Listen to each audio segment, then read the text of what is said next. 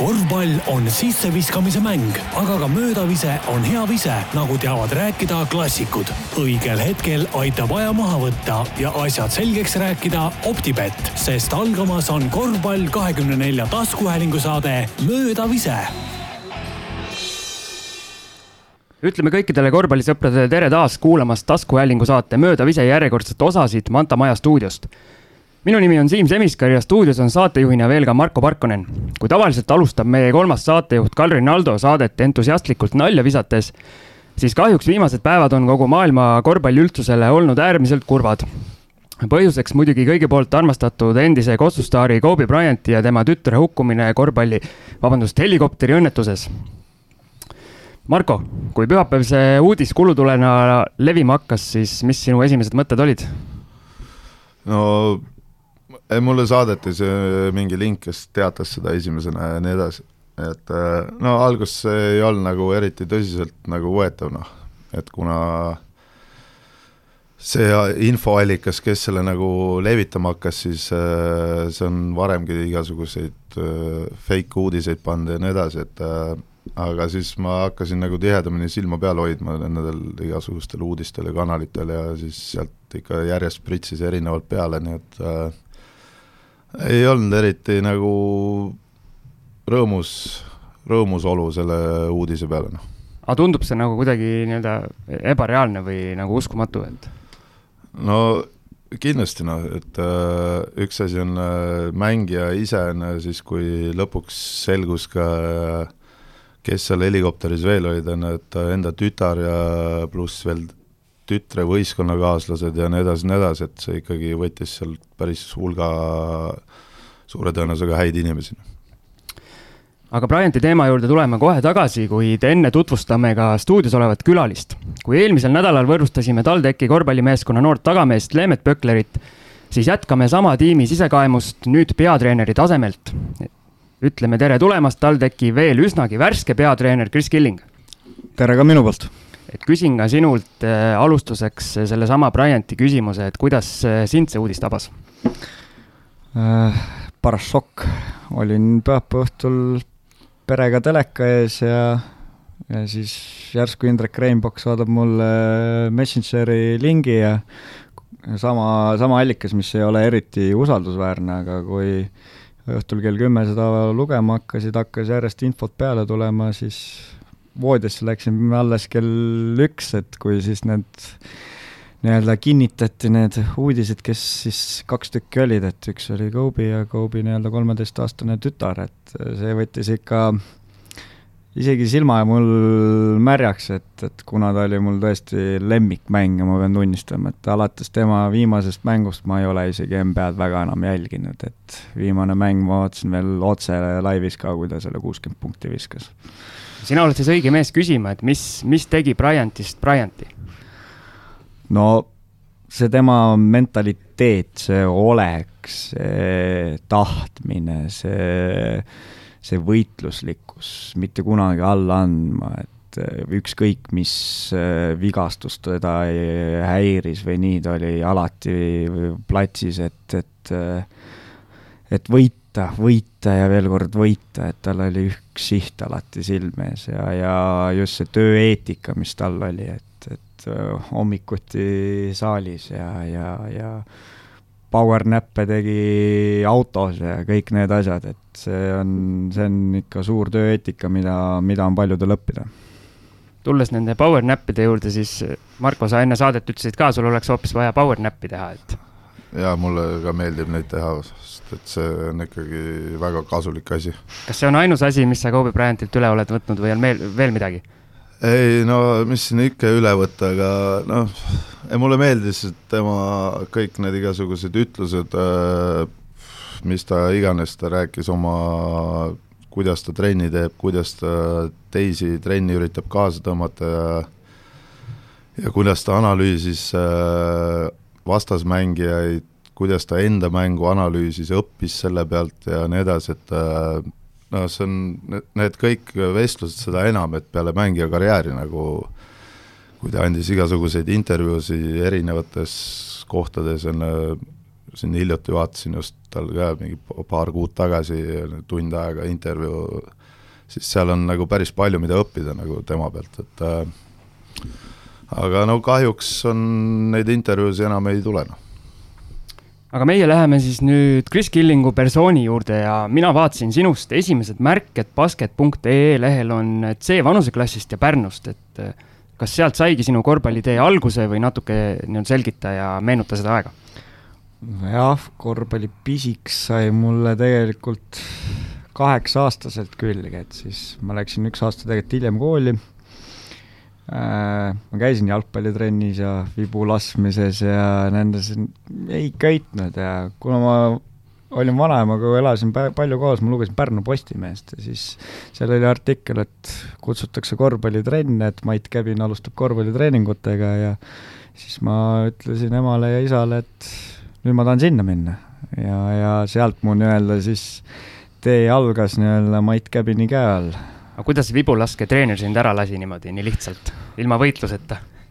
noh, ma käisin seda nagu harrastuskorras klassivendadega nii-öelda tegemas, see oli huvitav, onju, said nooli lasta ja kõike seda, et, et äh, aga jalkatrennist tulin sellepärast ära, et mulle ei meeldinud äh, kakskümmend kaks meest ajavad ühte palli taga, noh. kas äh, vibulaskmises sa ikka teadsid, kes nagu Inglismaal valitses kunagi neid asju, et mis selle huudi eesnimi oli. Robin. Aga miks, äh, võib vist nii küsida, et miks sinust lõpuks ei saanud siis tippkorvpallurit, sul küll meistriliigas mitmed-mitmed äh, hooajad on kirjas, esimene aasta või hooaeg äh, kaks tuhat üheksa, kaks tuhat kümme, kui ma ei eksi, ja Pärnus, aga miks seda suurt läbilööki ei tulnud?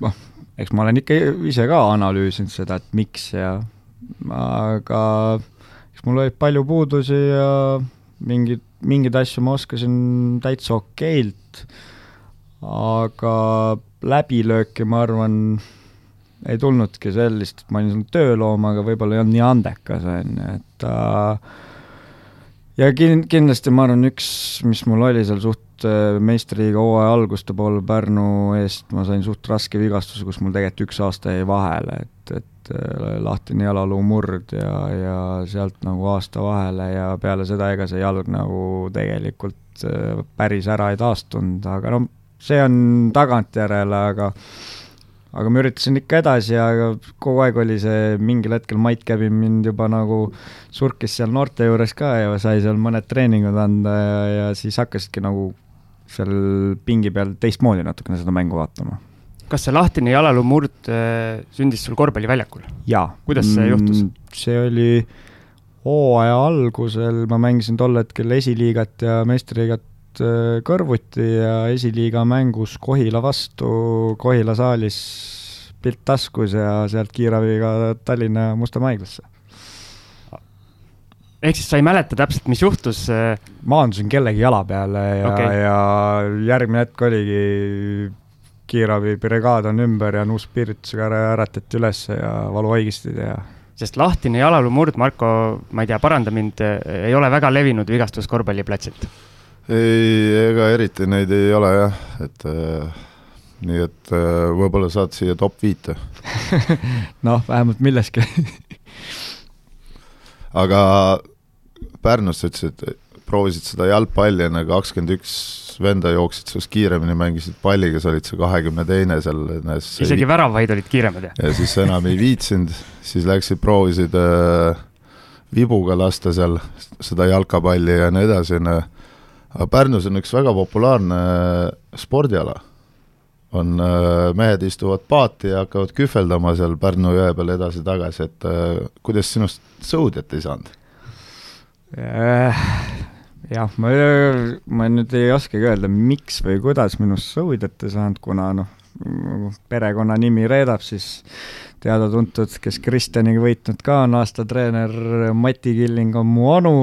kui ma ei eksi, kaheksanda kategooria treener. just täpselt, see on õige vastus ja, ja ma ei, olen paadis istunud, aga millegipärast niisugune kehaline kontakt ikka mingil määral nagu meeldis rohkem, et saab vahepeal küünarnukiga teistele anda ja, ja nagu see tõmbas mind natukene rohkem, kui seal vee peal lasta põlved kokku, lahku, kokku, lahku, käed juurde no neljapaadis võid ju ka seal küünarnukiga panna, nii et. aga äkki kogenud sõudetreener nägi ära, et siin nagunii mingit talenti ei ole, et siit ei tule midagi? ei, ta isegi, ma isegi ei käinud mitte tegelikult onu juures seda paati proovimas, vaid meil oli kehalise kasvatuse tund enne, et käisite äh, kalal seda võib ka juba nii nimetada, et aga hea seiklus oli muidugi see, et no eks miks ma sinna paati rohkem ei istunud, et kuna me istusime kahe paati algusel kohe ja ja see kahe paat läks ümber, noh et, et võib-olla sellepärast ma rohkem ei tahtnud sinna vette minna ka. et jätkasid Kuivamaa spordialadega? just täpselt, et äh, nii, nii see nagu selles mõttes on jah, et äh, ikka jäi kuidagi pallimängude juurde ja eks mul ema on ka olnud pallimängude alal nii-öelda tegev, siis, siis ta, tema mind ei tahtnud sundida korvpalli juurde, ta on võrkpalli ja kossu mänginud mõlemat ja, ja ta lasi mul ise otsustada, mida ma, mida ma nii-öelda siis mängima hakkan lõpuks või tegema hakkan. aga sa rääkisid, et paadi said ära proovida kehalise kasvatuse tunnis, kas Pärnus on niimoodi, et see on kohustuslik, et eh, kõik kooliõpilased peavad korra sõudmise järgi proovima? Ei, see ei ole kohustuslik, meil Kuninga tänava põhikoolis oli, oli lihtsalt kehalise kasvatuse õpetajad, kes ka nii-öelda tegelikult tegelesid sõudmistreeneritena äh, ja siis äh, üks koolipäev lihtsalt äh, loodi spordipäevana nii-öelda, et saad sõudepaati minna proovima, noh, et, et sealt siis sai see ära proovitud. aga tundub, et kes sinus nii-öelda talenti nägi, oli siis äh, äh, Mait Käbin, kes, sa ütlesid, et äh, andis sulle võimalusi noortele trenni anda juba suht varakult, et räägi sellest, kuidas see nii-öelda treeneri karjäär või ma ei tea, kas alguses seda sai karjääriks nimetada, aga need esimesed võimalused treenerina, kuidas sulle kätte tulid? jah, see tuli, põhimõtteliselt tegelikult tuligi siis, kui ma meistriliigat alustasin, mis oli see kaks tuhat üheksa, kaks tuhat kümme hooaeg, et põhimõtteliselt samal hooajal noh, Mait enam ise nagu noori ei võtnud äh,, Rait tegeles seal noortega, Rait Käbin siis äh, Juri Larionov ja oli vaja uusi noori peale võtta ja siis Mait nii-öelda seal äh, andis mõned trennid, aga oli vaja abikätt ja ja kuidagi nii-öelda ma ise trennides olin alati nagu ka selline, kes tegi trenne ja alati õppis nendest asjadest ja kirjutasin, tegin treeningpäevikut, treeningpäevikut, kirjutasin trenne üles enne ja siis, siis andis mulle proovikätt seal noorte osas ja, ja, ja sealt see nagu nii-öelda alguse sai ja, ja ja siis lõpuks oligi, et ma seal võtsin endale ühe grupi ja mingil hetkel Johan Kärp siis äh, praegune Pärnu korvpalli, äh, Pärnu korvpalliklubi eestvedaja võttis samamoodi mind Pauluse juurde ja siis sealt mul noortetöö tegelikult alguse sai, et kaks aastat ma Pärnus noortega juba tegelesin, ennem kui ma Tallinnasse tulin. Marko, millal sina esimest korda mäletad treener Killingut?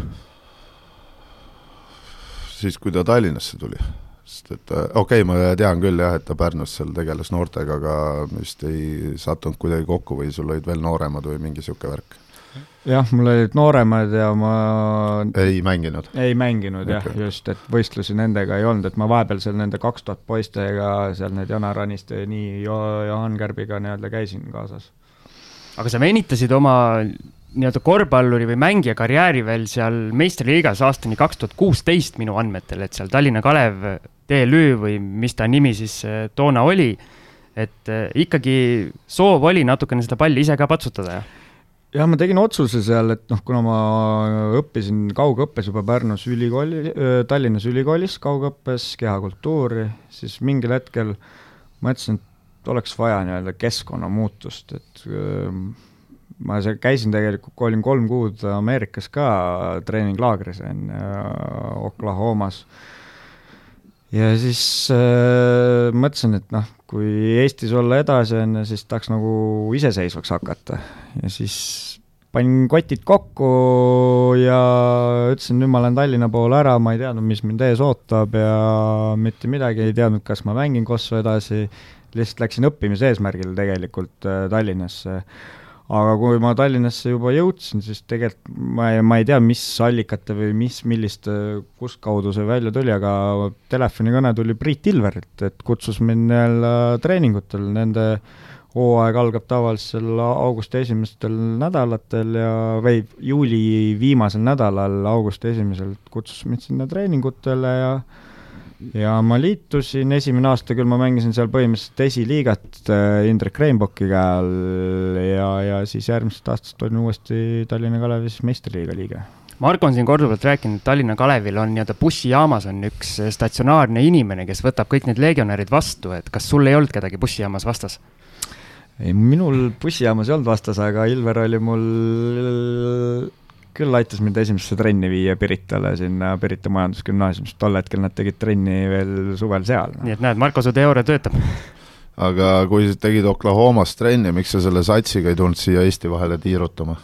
Äh, see ei olnud see Oklahoma sats, mis äh, käib siin tiirutamas. aa, see oli Thunder siis ei, see ei olnud Thunder ka, aga seal oli jah, mul oli variant minna Thunderisse? ei, variant minna USA-sse, teha kolm kuud trenni, mängida seal äh, ütleme nii, et see oli väga hea kogemus, on ju, treeningud olid väga head, aga noh, ega sealt nagu midagi väga otseselt nüüd nagu kätte ka ei jäänud, et jääb, on variante sinna jääda või nii, et see oli selline oma rahakotist minev nii-öelda kulutus, et eks siis ema ja isa mul aitasid sinna minna, et näha Ameerikat ka. palju kaalus juurde võtsid? pigem oli see, et tulin tagasi ja vanemad ei tundnud mind ära, et, et äh, nii palju tuli juurde et ma olin kokku kuivanud rohkem. sa siis seda kuulsaid neid burgereid ei söönud? Esimene hommik, mis, mis ma seal kohapeal olin hotellis, meil oli hommikune trenn kohe, hommikul kaheksast vist oli trenn ja mul on see siiamaani meeles, et kuus kolmkümmend koputati hotelli ukse peale, toodi hommikusöök voodisse, kus oli kolm juustuburgerit, friikartul ja Coca-Cola.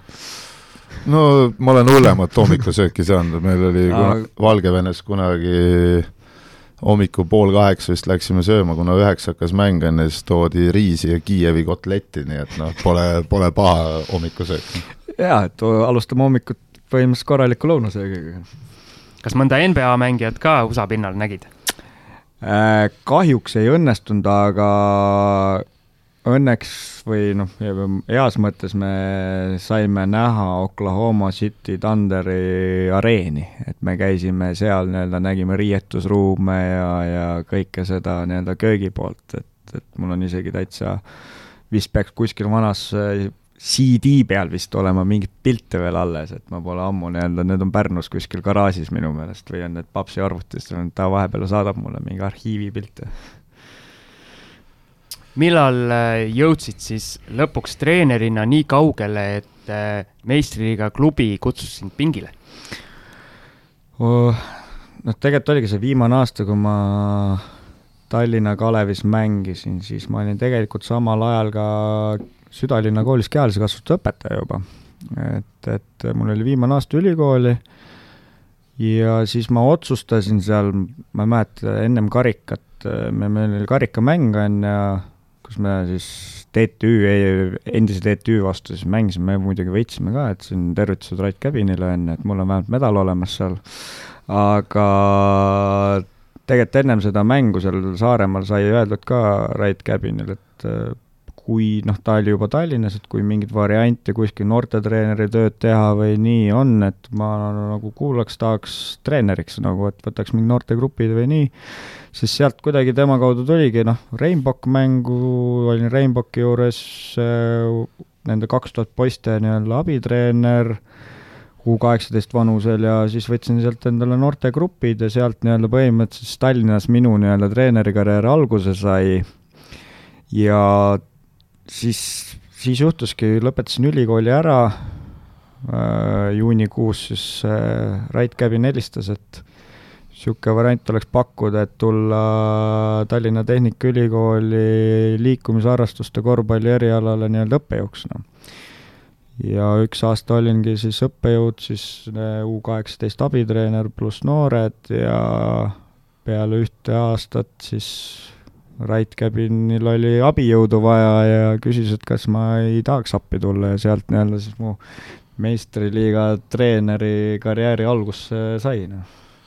et sa olid õppejõud siis ühe aasta? ma olen siiamaani õppejõud veel. liikumisharrastusega, korvpallikallakuga mingi tund ühesõnaga? jah, et põhimõtteliselt korvpallitund, kus tudengid tulevad, saavad selle eest, et käivad kakskümmend neli korda kohal, saavad endale vabaainena kolm EAP-d, et see on siis kus ma siis natukene võib-olla teen mõnda trilli või nii, aga üldiselt on nii-öelda mänguline see, et nad saaksid tulla kokku ja mängida korvpalli. okei okay,, no ma mõtlesingi, et trilli teed, et äh, nagu iga kord paned äh, kaitsetrille kaitseasendis kogu trenn. jah, ma tean, kuhu see kaitse nii-öelda lõpuks tüürima hakkab meil siin, aga, aga üldiselt koonustega, koonustega ikka, jah. et äh, kui suur huvi nendel on, et äh, olgem ausad, seal võivad olla lihtsalt äh, noh, ma ei tea, aga noh, paljud võivad võtta selle, et tundub nagu lebo, võtavad selle aine, tulevad sinnapoole, tegelikult kossupalli kunagi näinud. ja siis peavad kaitseasendis liikuma. ja siis hakkavad mingeid koonuseid seal üles panema ja pikali jooksma ja ei, tegelikult sellist ei ole, et noh, kuna meil on hästi palju seal ülikoolis on erinevaid võimalusi võtta see vaba aine, et on sul võrkpallivõimalus, sulgpall, lauatennis, jõusaal, rühmatreeningud on äh, et iga tudeng saab enda nagu vastavalt sellele nagu valida endale, millist sporti ta teha tahab. aga kas kasutatakse sinu sõudmis- ja vibulaskekogemust ka ära kuidagi? No eks ma vahepeal ikka seal jõusaalis jälgin, kuidas suudergomeetri peal nii-öelda keegi tõmbab, et noh, vahepeal ikka mõtled, et oi jumal, mis see selg seal küll teha võib. no lihtsam on võtta mingi kummipaat ja lasta neil nagu laivis proovida, sest Mustamäel seal Sõpaka ja Aude lähedal on üks tiik ka seal Mäki vastas, sa võid lasta neile seal paati hüpata meil on kahjuks jah, sisetreeningud ainult, et me välja ei, välja ei roni aga ühesõnaga, sa olid treenerina, ma tean, et sul on äh, mängijana üks suurepärane tipphetk, mida sa oled rääkinud kõikidele mängijatele ja ma olen kuulnud sellest juba, ma arvan, et mingi nelja või viite erinevat versiooni ja siis mulle tundub, et see nagu iga kord läheb äh, aina suuremaks, et äh, kas sa saad aru, millest ma räägin? Ma eeldan, millest see et äh, sa võiksid rääkida siis selle tipphetke ära, siis et nagu siis tervitame ka korvpallirahvast sellega, kes seda kuulnud on, siis on hea meenutada. mul on neid mitu tükki. üks on, äh, et sa oled kolmeseid pannud. jaa, noh, see on legendaarne, kus äh, hakati tegelikult alles mänge üle kandma enne, siis on räägitud selle transition kolmeseid, noh. see oli Tartu vastu, tead, see peatreener Gerd Kullamäe ehk siis endine nii-öelda TalTechi peatreener, et noh, tolles mängus oli vist play-off, veerandfinaal, et äh, veerandfinaalis äh, sai lõpuminutitel küll väljakule, aga selle aja jooksul, mis oli mõne minutiga, tuli transition'is kolm kolmest, noh, et üle ja peale, noh. ja panid ära? panin ära kõik. okei okay,, ehk siis paari minutiga üheksa sanga? jah no pole paha, sest et ma olen lihtsalt kuulnud, vahepeal on kaks kolmes Graamo vastu, siis on kolm Tartu vastu, et ma ei, see on kolm, kolm Tartu vastu, aga seal oligi, et tegelikult Jaanis Vahtriga, kes lõpuks meie küll langesime kiirelt välja, aga Jaanis Vahtriga me olime tol aasta play-off'is äh, kolmest protsendilt esimene ja teine, mina olin teine, et seal läks arvesse siis, kui äh, olid üle kümne pealeviske sooritanud, ehk siis meil oli kolm mängu ja kui ma ei eksi, siis mul oli kaheteistkümnest kaheksa kolme mängu peale kolmes. ehk siis äh, Jaanis Vahter, no ta peaks olema seal Saaremaa top-mängijate teises kümnes või on juba kolmandas, aga ta edestas ikka sind? jah okay. aga ta on, ta näed, siiamaani veel mängib. kas see näitab Saaremaa korvpalli võimsust? Kindlasti ja siinkohal äkki ma peangi väikse pausi tegema, sest et reedel Saaremaa top üks mängija Maarja Paiste sai isaks, nii et õnnitlused ka siit talle ja ta elukaaslase Kellile. palju õnne! palju õnne ka meie poolt, väga head uudised. aga ma küsiks veel, siis kui sa seal TalTechi või siis ta oli veel TTÜ, kuidas see oli? TTÜ oli kumma jah. TTÜ meistriliiga satsi pingi peal olid, et eh, mis need sinu ülesanded oli, ma saan aru, et sa lõikasid videot ja tegid skautingut, oli see nii? Jah, et äh, selle, noh, kuna Rait juba teadis, et ma enam-vähem juba sellega tegelesin, kuna mul lõputöö oli ka, Eesti meestekoondise ründeanalüüs kahe tuhande viieteistkümnendal aastal Euroopa meistrivõistlustel, äh, siis see hõlmas väga palju videoanalüüsi, äh, mis Boris Basanov oli minu juhendaja. Ja, ja siis tänu sellele hakkas nii-öelda mul jah, see vastaste skauting ja see nagu huvi pakkuma ja, ja Rait juba teadis, et ma valdan seda. Ja siis oligi minu ülesanne oli vastaste nii-öelda videode lõikamine mängijatele ette, noh, presenteerimine ja siis treeningul nii-öelda Raitu aidata nii palju, kui võimalik on detailide ja asjadega ja niimoodi see koostöö meil oli, noh. mind huvitab see asi, et kui sa nüüd lõikad neid mänge lahti järgmiseks mänguks, et ma eeldan, et vastastest sa lõikad nii-öelda nende õnnestumised, et näidata, mida nad hästi teevad, aga kas sa enda meeskonnas lõikad ainult nii-öelda need miinusmärgiga asjad negatiivsed, et näidata, et näed, et eh, sul see asi metsas ja sul see asi metsas või kuidas see tegelikult on? No tegelikult seal on väga palju erinevaid lahendusi, kuidas seda mängijatele nii-öelda näidata. Ja kui võtame vastase, siis äh, kindlasti ei, ei tohiks näidata alati kõiki neid, mida nad hästi teevad, on ju, et tuleks äh, mängijatele ka näidata ära, kus on nende nõrkus, mida me peaksime ära kasutama just näiteks kaitse poole peal, et no kuidas nad kaitses mängivad, kus kaudu meie peaksime nii-öelda siis leidma oma nii-öelda rünnakulahendusi aga kui nende rünnaku peale minna, siis vaadata, kuidas meie peaksime mingis rünnakuelemendis kaitset mängima, on ju, et, et äh, kõik need on nagu vastase poole, pluss siis mängijate individuaalne see scouting, et kes mis kätt rohkem kasutab, kõik see, et neile nii-öelda paberi peal see ette anda, pluss siis nii-öelda video ajal meelde tuletada aga oma mängu koha pealt on väga palju erinevaid lahendusi, kuidas seda siis mängijatele presenteerida, et ise muidugi sa lõikad kogu mängu ära, sa näed nagu kõik nagu asjad ära, et nüüd ongi, et kas sa esitad seda mängijatele nii, et sa paned ainult tuld neile, ainult kui kehv on see asi, on ju, et iga mängija võtab seda nii erinevalt, mõni võtab seda väga isiklikult, peale seda on tal väga raske võib-olla järgmises mängus aga ka on variante, kus näitad ainult head, on ju, siis võib-olla mõtledki, et kui me nii mängime, et siis, siis need, mis kehvasti olid, need paranevad või siis sa teed selle nii-öelda näitad, et näed, siin me mängisime nii, näiteks oli kokku lepitud, kõik toimis, aga nüüd me mängisime siin nii, kus tegelikult kokku lepitud asjad eh, tegite teistmoodi, ei toiminud, et ülesehitus on nagu väga erinev, kuidas nagu seda teha, vastavalt olukorrale tuleb nagu video üles ehitada, noh. kui mitu eelmist mängu, kas siis enda või vastase oma, sa sinna videoanalüüsi kaasad, et mu küsimus on selline, et kui kaua üks selline kokkulõikamine ja kogu see analüüsi kokkupanemine võtab eh, nii-öelda üheks selleks videokoosolekuks? Noh, videokoosolek üldiselt mina nii-öelda üle kahekümne viie minuti ei tahaks seda lasta, on ju, et äh, ehk siis järelikult video nii-öelda klippide pikkus peaks olema umbes selline kaheksa minutit maksimaalselt, on ju, kuna sa räägid sinna päris palju juurde. Ja näitad võib-olla aegluubis ja mingeid asju, aga kui vastast võtta, siis mina nii-öelda olen seda Eesti-Läti liigas kaks, kui me mängime näiteks Jurmalaga nüüd laupäeval, et kaks Jurmala eelmist mängu kindlasti, viimast mängu.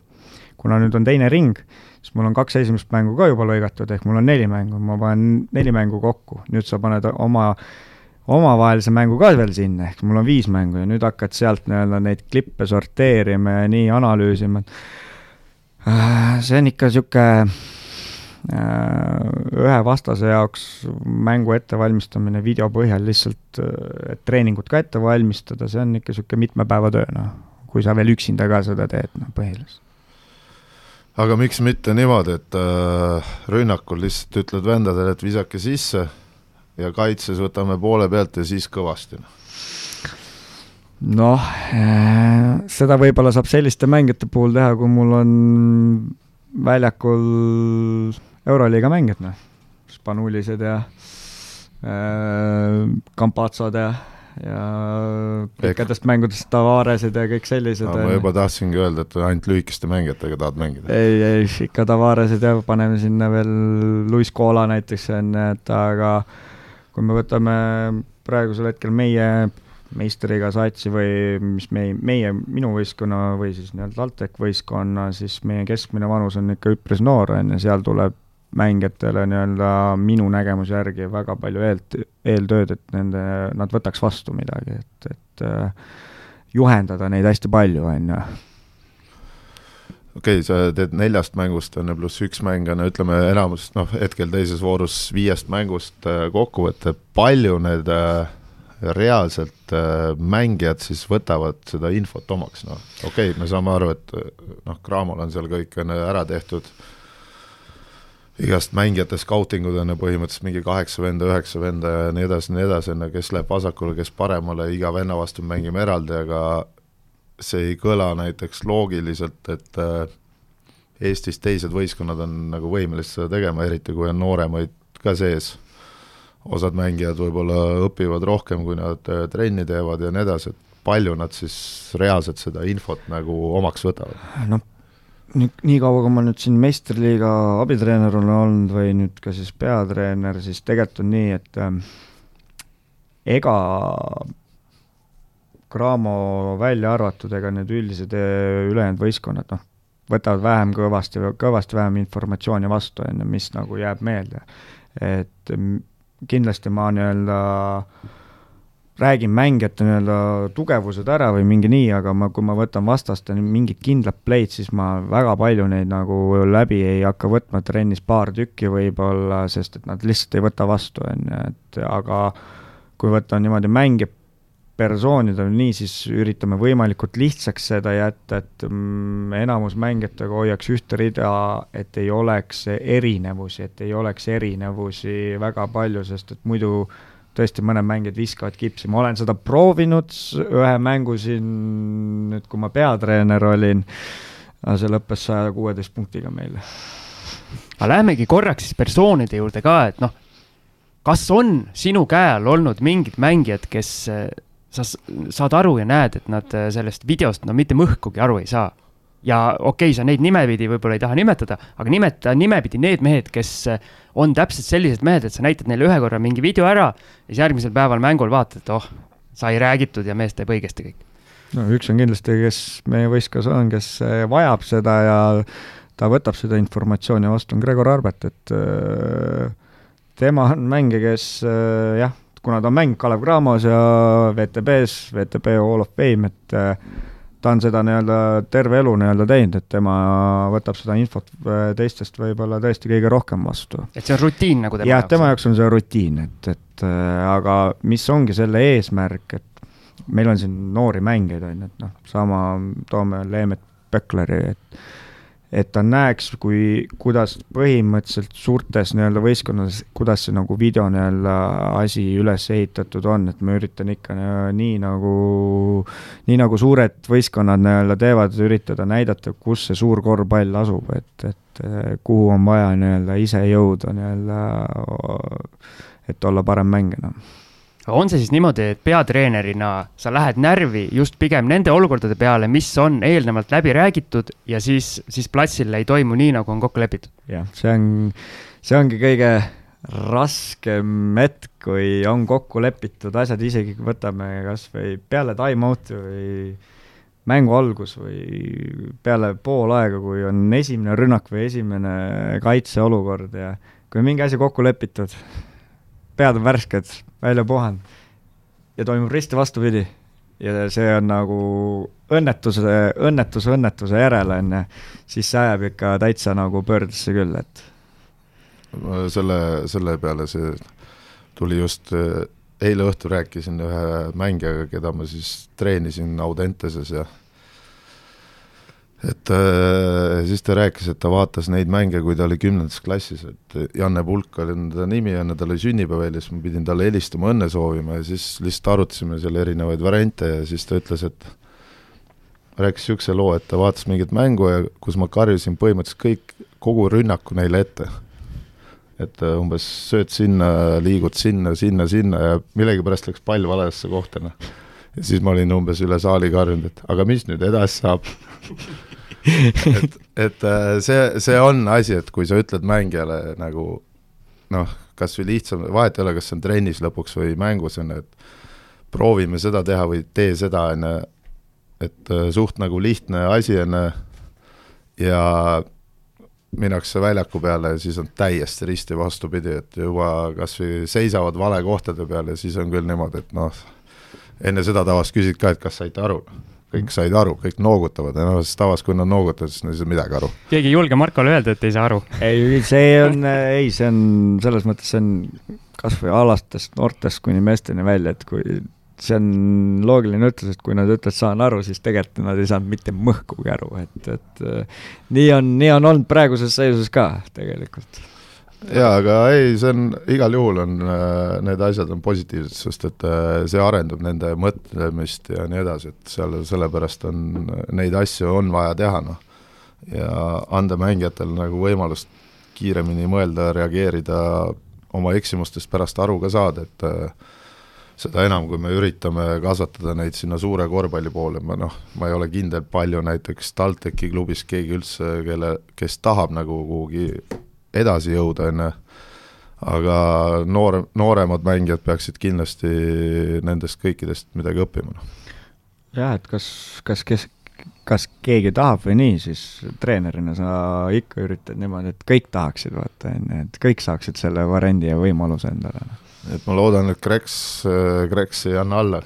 jah, äkki, äkki veel teeb seal kuskil suures klubis veel comeback'i, ei tea aga meil on kolmkümmend viis minutit saadet äh, sujuvalt läinud ja enne kui tuleme TalTechi tänavuse hooajani ja natuke, natuke ka Kris Killingu tegemiste juurde noortekoondise peatreenerina, teeme ära Team Shieldi küsimusmängu. küsimusmängu toetaja on teamshield.com oma disainiga spordi ja vaba aja riided ja eelmisel nädalal küsisime Team Shieldi küsimusmängus stuudios olnud Leemet Pökleri kohta, et mis on noormehe punktirekord meistriliigas? Kris, mis sina oleks vastanud? me siin Raido Ringmetsaga peale seda saadet mõtlesime, see oli tema, ma tean, see oli tema esimene mäng meistriliigas äh,. mitte päris. esimene mäng Eesti-Läti liigas. Eesti-Läti liigas, õigemini, Eesti-Läti liigas, esimene mäng, võõrsil mäng, äh, Jekapilsi vastu oli see minu meelest järgmine päev oli neil VEF-iga mäng, seal ma tean, palju ta siis viskas. aga me jäime seal küll vaidlema, kumb oli, kas kakskümmend kaheksa, kolmkümmend, me ei vaadanud isegi järre, järele seda, aga minu mäletamist mööda oli see kolmkümmend punkti.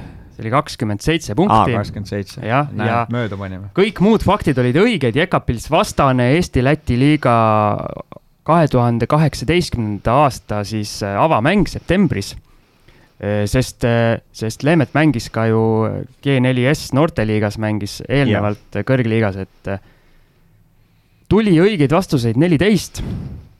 enamus vastasid õigesti. nüüd palungi, Kris, üks number ühest neljateistkümneni, kes võidab meie auhinna? number viis. number viis, kas see on mingi, mingi põhjusega? niisugune õnnenumber. õnnenumber on seekord Mario Printsmanile see kes vastas õigesti ja oli number viie all, palju õnne temale. Maarjo saab siis Team Shieldi erilahendusega korvpalli kakskümmend neli särgi.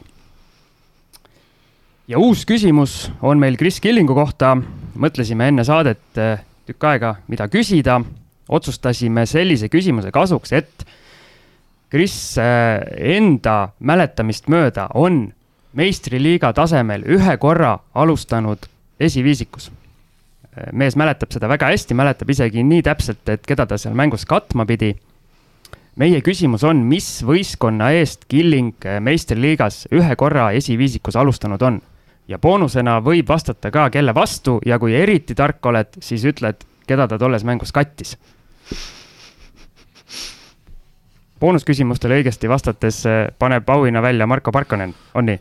ei, mul ei ole midagi välja panna, nii et äh, lihtsalt kes paneb pihta, tal on endal hea tunne, et ta sai boonuse ka. Noh. saab boonuse see, et äh, saab järgmisel TalTech mängule tasuta. nime, nime oleks vaja suurepärane, Kris Killing paneb omapoolse auhinna ka välja, nii et äh, ootame õigeid vastuseid siis kõigile kolmele küsimusele. vastata saab meiliaadressil info at korvpall kakskümmend neli punkt ee või korvpall kakskümmend neli Facebooki lehesõnumites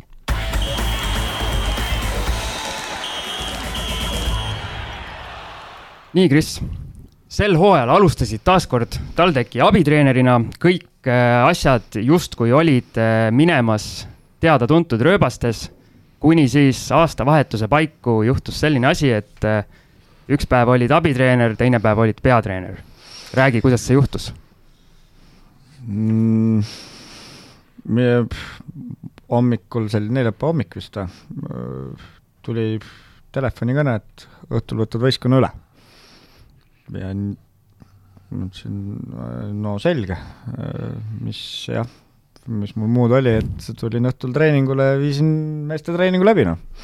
et, et äh, klubi juhid jah, helistasid mulle, kuna ma ei olnud tol päeval tööl, vaid olin, olin töölt eemal ja, ja siis õhtul pidin võtma kohustused üle.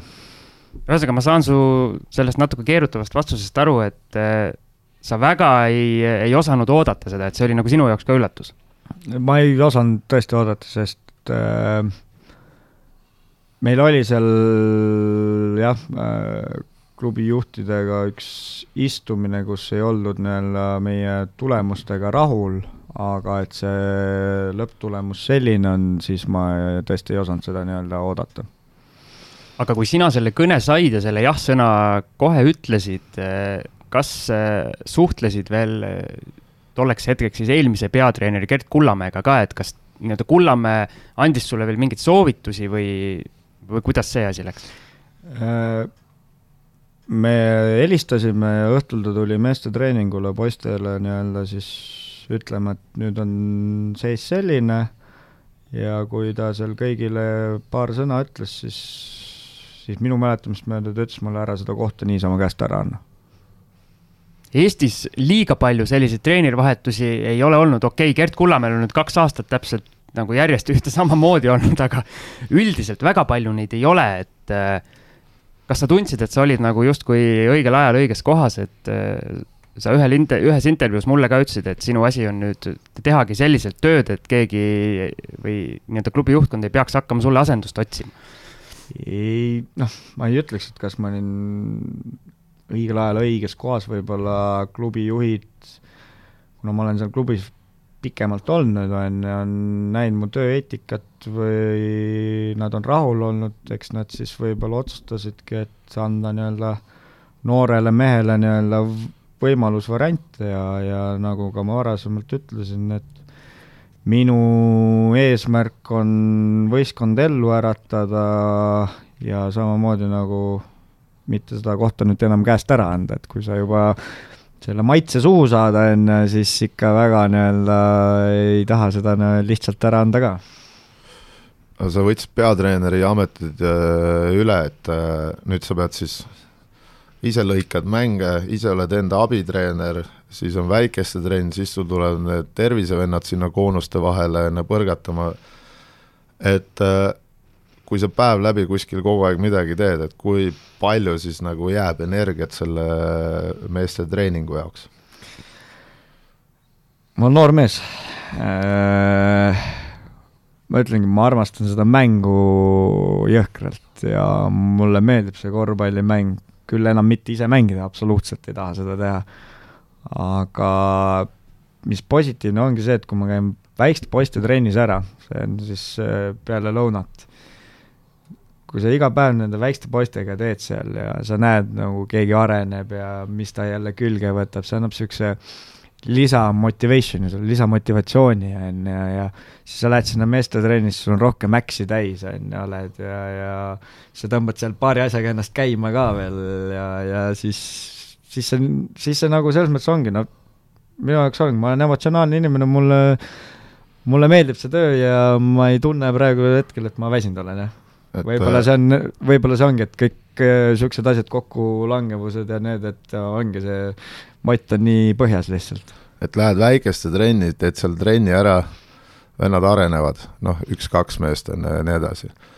siis on äh, mõni võib-olla moosivaras on isegi käed puhtaks saanud püüab pallid kinni ja lähed kohe sinna meeste trenni ja vaatad, tõmbad ennast käima, keegi ei arene. mis siis teed, lähed koju niimoodi, et ai, kurat küll, nüüd läks küll halvasti, et keegi ei arenenud. no niikaua, kui ma olen nagu peatreener olnud nüüd meeste juures mm,, jah, kui me vaatame nüüd tulemusi, siis äh, ei ütleks küll, et asjad on nii-öelda paremuse poole läinud, et siin on viis mängu tehtud, üks võit ja neli kaotust ja aga kui jälle treeningul oled, ja rõhku pannud teatud äh, elementidele, asjadele, siis praegu on iga treening lõppenud nii, et oled olnud äh, positiivne, selles mõttes, et on asjad, mingid asjad paremuse poole läinud. Teil on tabelis viis võitu ja neliteist kaotust, mida need numbrid nagu sulle ütlevad, sa selle enda isikliku peatreeneri saldo tõid ka välja, see nii-öelda protsentuaalselt enam-vähem samasugune, et äh, teil tegelikult ju meeskonnale potentsiaali on enamaks. jah, poten-, just täpselt see sõna meeskond, see on üks kõige suuremaid äh, faktoreid, ma arvan, et äh, meeskond. Äh, praegusel hetkel või need, see tabeliseis näitab, et võib-olla me ei ole olnud meeskond. et kui saaks meeskonna tööle, siis, siis meil oleks potentsiaali veel rohkem, et töö käib selle nimel ja ma usun, et et äh, see läheb paremuse poole ja kui me vaatame tabeliseisu, siis ma arvan, et äh, ei ole veel midagi ka kadunud ka mõeldes Eesti play-off'i peale uh,. Jaa, see tabelis seal palju seal neid kaotusi oli, neliteist? neliteist, jah. no ma arvan, et seal nii ka, et teil uh, visatakse kogu aeg pea sada punni ja nii edasi, et kes teil sealt TalTechis neid võrke kogu aeg vahetab? selleks on olemas meil äh... manager ei, manager on jah, aga manager suunab need tööülesanded meil areenimeistritele, meil on tublid kolm areenimeistrit. Te peate sinna vist panema, kui vastased ründajad, sinna ketist võrgud, et need nii lihtsalt põlema ei läheks, et et no ma arvan, et reaalselt, et kuna te ise skoorite ka suht okeilt, on ju, siis ma tean nagu... neid numbreid peast, palju on keskmiselt? no palju on? minu käe all on olnud äh, vastasmeeskond visanud sada kaks koma midagi punkti keskmiselt ja ise oleme visanud üheksakümmend neli koma midagi. üle saja on isegi tühjas saalis päris keeruline saada või, võib nii öelda küll et, et mul on jah, ma olen kõvat nii-öelda analüüsitööd teinud siin, et milles need asjad nii-öelda seisnevad ja, ja siis numbrid on üks asi, mis numbrid ei valeta. aga mul on ikkagi, ma tahan tulla sellesama küsimuse juurde, mis Marko juba põhimõtteliselt ära küsis, aga natuke teise nurga alt, et sa nüüd teed seda peatreeneri tööd, samas sa teed ikkagi oma abitreeneri tööd, siis sul on veel esiliigad ja kõik asjad. Rait Käbin nüüd tuli teile pingi peale mingil mingil, mingil kujul siis, eks. aga millal te panete lõpuks tööle mänedžer Raido Ringimetsa, et mina ei ole aru saanud, mida tema seal võistkonnas teeb, välja arvatud see, et ta on enam-vähem kogu aeg tehnilise piiril seal, üritab, üritab nii-öelda peatreenerit aidata noh, eks tema ülesanne tegelikult on see kõik see köögipool võistkonnas on ju, et äh, orgunnida väljasõidud. Äh, uued võrgud uued võrgud on ju, et. areenimeistrid, kes läbi põlevad, kui peavad võrke vahetama. noh, tema ülesanne on see kogu see köögipool on ju, et peatreener ei peaks muretsema millegi muu pärast, et, et ja noh, ma olen teda ka kasutanud, kuna mulle mulle väga meeldib, kui mu abilised täidaks mingit äh, kaitseraportit mulle mängu ajal, siis äh, ta on seda paar korda nüüd teinud ka. kas äh, nad täidavad seda punase pastakaga? Tavaliselt viimased mängud on nii olnud, et pastakat tuleb poole ajal vahetada. Aga tervitame ja Raidot siinkohal ka küsime siis edasi või tähendab, läheme teemaga edasi noortekoondise juurde, et sul äh, U kuusteist koondis selles tsüklis käes, äh, poiste oma siis, oli ka jaanuaris äh, kuulus BSBC turniir, mängisite siin Soome, Rootsi ja Läti vastu, saite ühe võidu, oli nii? just täpselt räägi, kas see turniir oligi nii treenerite kui mängijate jaoks selline katsetamise ja õppimise koht? kindlasti see BSBC on treeneri jaoks kaardistamine mängijate suhtes, ka kindlasti treeneri visioon, milline mängustiil on ja mida nii-öelda treener on mõelnud nende mängijatele ja näha ära, mis, millised mängijad suudavad mida vastu võtta, mida nii-öelda mängida, kui agressiivselt näiteks mängida ja kes nii-öelda agressiivsusega võib-olla nii hakkama ei saa.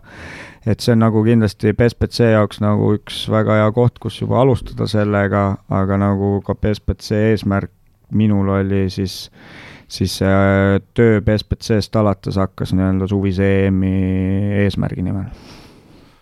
et äh, kaardistada mängijaid, et äh, sul oli minu teada kakskümmend pluss seal kandidaati? koos Gerrit Leega kakskümmend kolm, ta oli vigane. et äh, palju, palju nagu võis olla nimesi või mängijaid puudu, kes veel saavad mingisuguse kutse sinna kuskil laagris osaleda või oli selliseid mängijaid puudu või ei olnud? jah, oli. Äh, kes olid nii-öelda noh, praegusel hetkel need kakskümmend kolm nime, siis äh, noh, tahtsingi kahekümne kahega, et mul oleks äh, hommikustes gruppides üksteist ja üksteist, on ju. oli neid mängijaid, et kohe võtta järgmine mäng ja kui keegi ei saa tulla, see nimekiri ulatub üle kolmekümne, noh et äh, sa ütlesid, et hommikustes gruppides oli, oleks üksteist, üksteist, on ju, siis äh, panite seal kergejõustikuareenil vutti ei pannud, et äh, hommikune treening läks nii-öelda pooleks, et üksteist poissi olid siis äh, Frederikuga ehk äh, füsioga tegelesid areeni peal siis äh, üke osaga ja üksteist poissi olid äh, siis äh, treeneritega saalis. Kuidas sina treenerina meie U kuusteist järelkasvu äh, vaatad ja kuidas sa seda hindad, et kindlasti nii-öelda meie kuulajatel äh, kõige kuulsamad nimed on Kaspar Kuusma ja Henri Veesaar, Veesaar siis Madridi Realis ja mõned poisid veel välismaal mängimas, aga kuidas see üldpilt äh, hetkel tundub? see on üks koondis, kus on tõesti vägevaid kujusid väga palju isegi kujusid, kes jäid sealt neljateistkümne hulgast välja kes võib-olla praegusel hetkel olid natukene toored veel, et, et äh, lihtsalt see füüsilise pool on vaja järele tulla neil, et äh, see on üks koondis, kus on reaalselt olemas sul korvi all ka pikki mängijaid. Ja kui vaadata positsioon neljasid, kolmesid, kahtesid, siis nende pikkus, siis see on nii-öelda selles vanuses, pikkus on nii-öelda väga suur pluss sellele koondisele tõesti. et äh, sa mainisid, et palju vägevaid kujusid oli nii. Yeah.. et äh, no Eestis räägitakse läbi aastate ühte sama juttu kogu aeg, eriti U neliteist, U kuusteist, et see on ilmselt kui mingi Eesti läbi aegade kõige kuldsem põlvkond, kõige vägevamad kujud, on ju, aga reaalsus on see, et äh, enamus nende aastakäikudega öeldakse nelja aasta pärast siia ikka veel, et äh, kui nad on U kaheksateist, U üheksateist, on ju, et oh, vägevad kujud, aga ei oska. et, äh, et nagu noh, ainult selle kujude peale päris nagu reklaami ei saa panna, et äh, ilmselgelt seal, kui nad on juba U kuusteist ja neil on mingisuguseid nagu oskuste puudujääke nagu lihtsate abc-ga, et näiteks püsti seista või selge ees joosta, on ju, siis juba võib tekitada probleeme. jaa, kindlasti, et selles mõttes, eks see võib-olla mõne, mõnedel kuttidel see võib-olla saatuslikuks sai, aga just nagu see, et need poisid, kes isegi välja jäid, et noh, kõigile sai nii-öelda antud tagasisidet ja kõike seda, et pigem on see, et kui see tööeetika, kõik see koduklubidesse töö käib, siis on varianti, aga mitte kindlasti nii, et nüüd, nüüd me räägimegi sellest, et kujud on vägevad, et nüüd võib siit, et see on kõige andekam koondis, et jah, seda on, nagu sa ütlesid, seda on palju räägitud, see, see ei ole nii, et tegelikult see kõik on selles poisis endas kinni, kas ta tahab, kui palju ta tahab ja kui palju ta tahab selleks anda endast, et äh, saavutada see, mis võimalused tal tegelikult on. Jaa, eks äh, mängijas on see muidugi kinni, aga samas on palju kinni ka koduklubides, sest et äh, kui te annate tagasiside mängijale ja te ei anna klubile, siis, äh, siis ega klubi treenerid ei pruugi muuta enda strateegiaid, enda mingeid harjutusvara ja nii edasi, sellepärast et seal keegi areneks on osavamaks ja nii edasi, et võib-olla on vaja mängida enne maa-ala, siis kütetakse maa-ala, on ju, mis iganes. et äh, et noh, mängija peab teadma, et ta peab ise vaeva nägema. ta peab leidma need võimalused vaeva näha, kui ta enda treener näiteks ei pea neid asju oluliseks ja nii edasi, et äh, Te mängisite, saite ühe võidu, kaks kaotust, kas see turniir näitas sulle midagi ära ka? jah, väga palju äh,. see turniir näitas väga palju ära, et äh, nagu me ütlesime, on lahe koondis, on andekaid kujusid, aga me oleme praegusel hetkel soomlastest, rootslastest füüsilise poole pealt, individuaaloskuste poole pealt, just kiiruslike poole pealt, et kiiruslikult teha individuaalasju nii palju maas, et äh, sellist mängu, nagu mina nii-öelda nagu tahtsin agressiivset mängu mängida, nii nagu ka soomlased, rootslased, me oleme võib-olla valmis seda mängima ühe poole, nagu ka need mängud Rootsi ja Soome vastu näitasid, teisel poolel, kui teisel võistkonnal on üks käik veel varuks olemas, siis äh, meie ei ole suutelised enam sellega kaasa minema, et äh, meil on füüsilise poolega kõvasti, aga see on ka tingitud, kuna noh, äh, ma jälgisin Eesti meistrivõistluste nii-öelda U kuusteist vanuse mänge, et sellist agressiivsust lihtsalt see meie nii-öelda noorteliigas ei ole, mis oli nii-öelda BSBC-l juba olemas, on ju, et kui sa ei mängi päevast päeva agressiivsuse all, sul on kogu aeg keegi juures ke, mängib äh, mustalt, on ju, siis sa ei ole valmis nii-öelda neid asju tegema, et äh, see on üks point kindlasti, kus ma arvan, et me saame ise koduklubid, kõik need klubid panna hoopis nii-öelda intensiivsemaks need olukorrad treeningutel, mängudel, on ju, et harjuda selle mängutempoga. sa ise oled nii-öelda noor treener, aga sul pingi peal koondises oli väga-väga kogenud treener.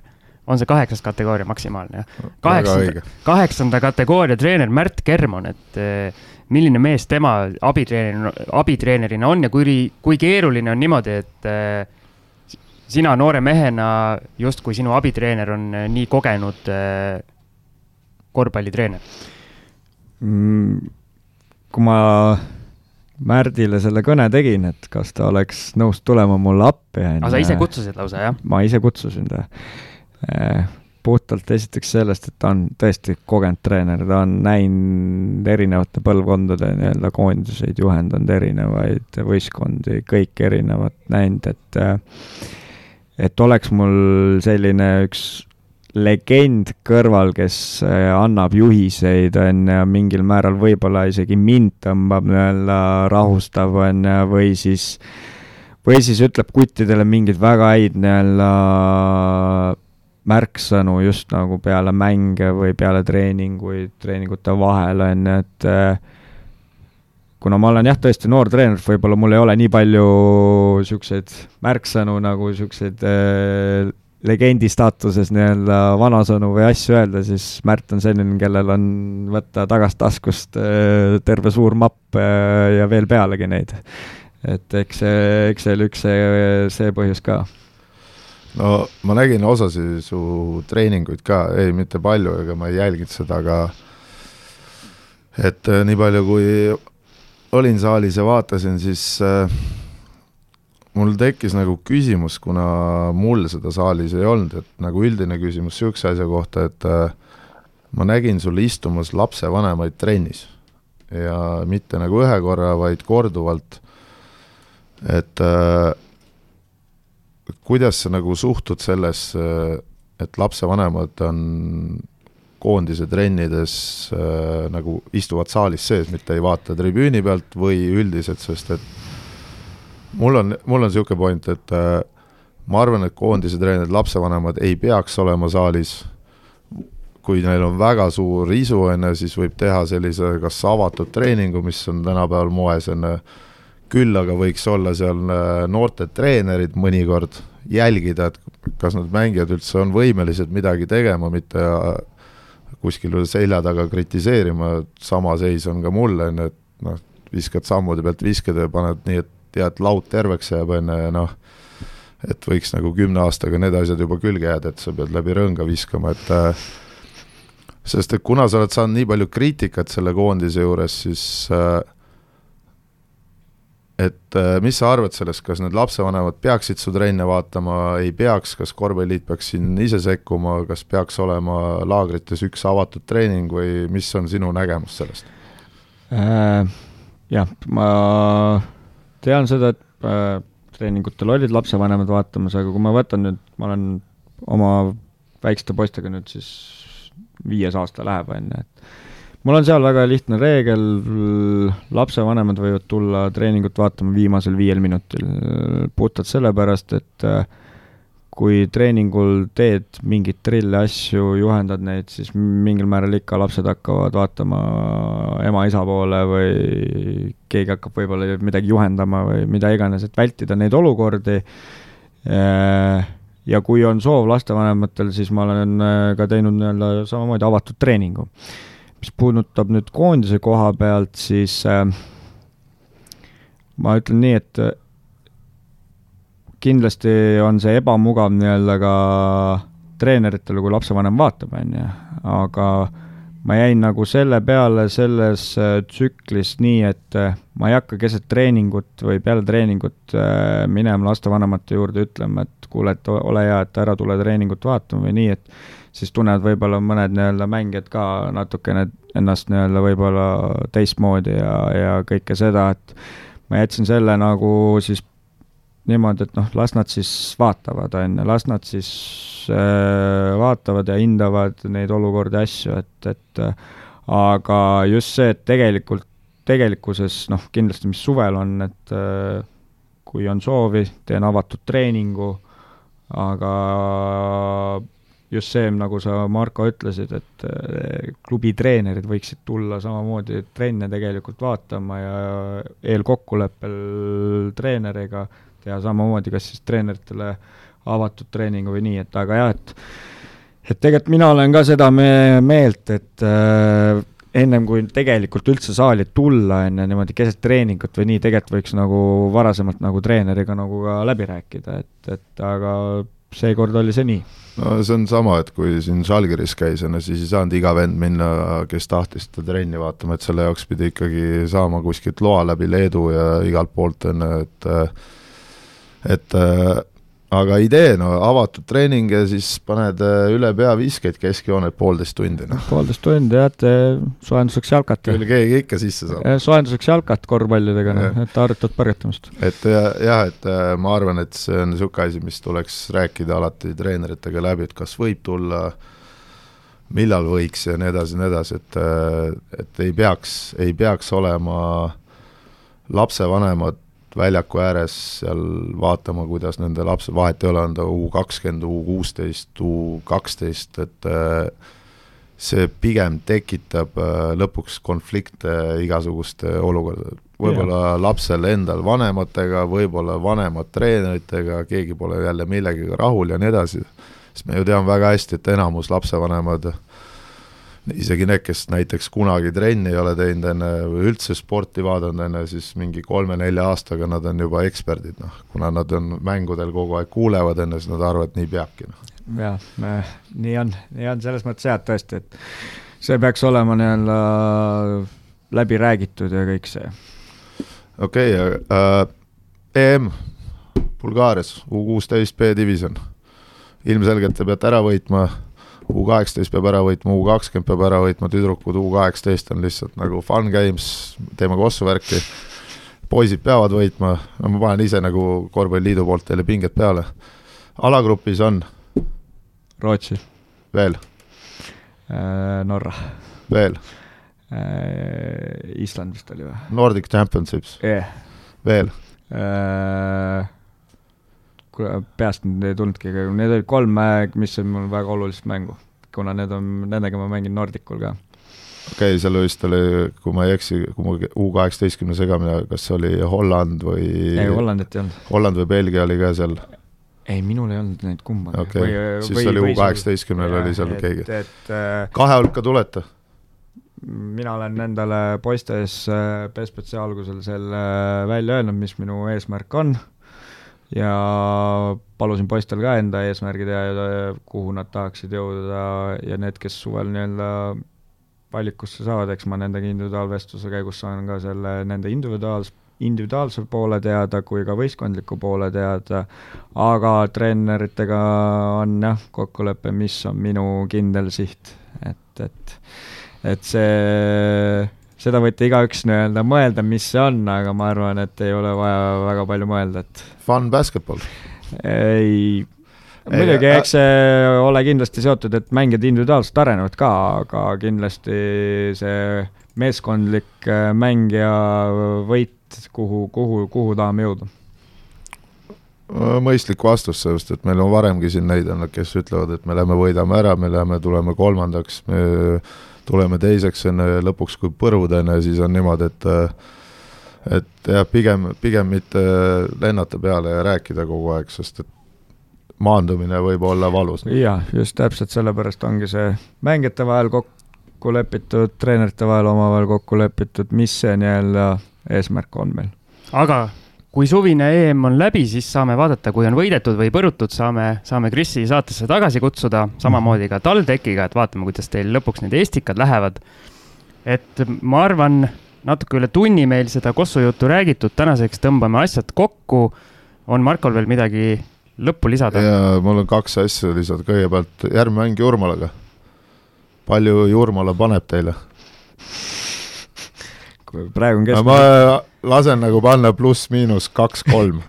kui keskmiselt praegu sada kaks pandud, noh, ma olen seda rõhutanud mitu mängu juba, et tuleb võistkond, vastasvõistkond iga veerand alla kahekümne hoida ehk siis äh, ma ütlen, et äh, seitsekümmend üheksa on see, mis on maks, mis äh, Jurmala peaks meile panema. ma arvasin, et pluss-miinus kaks-kolm, et sa ütled, et üheksakümmend üheksa on see eesmärk, aga seitsekümmend üheksa, siis meil on varianti võita.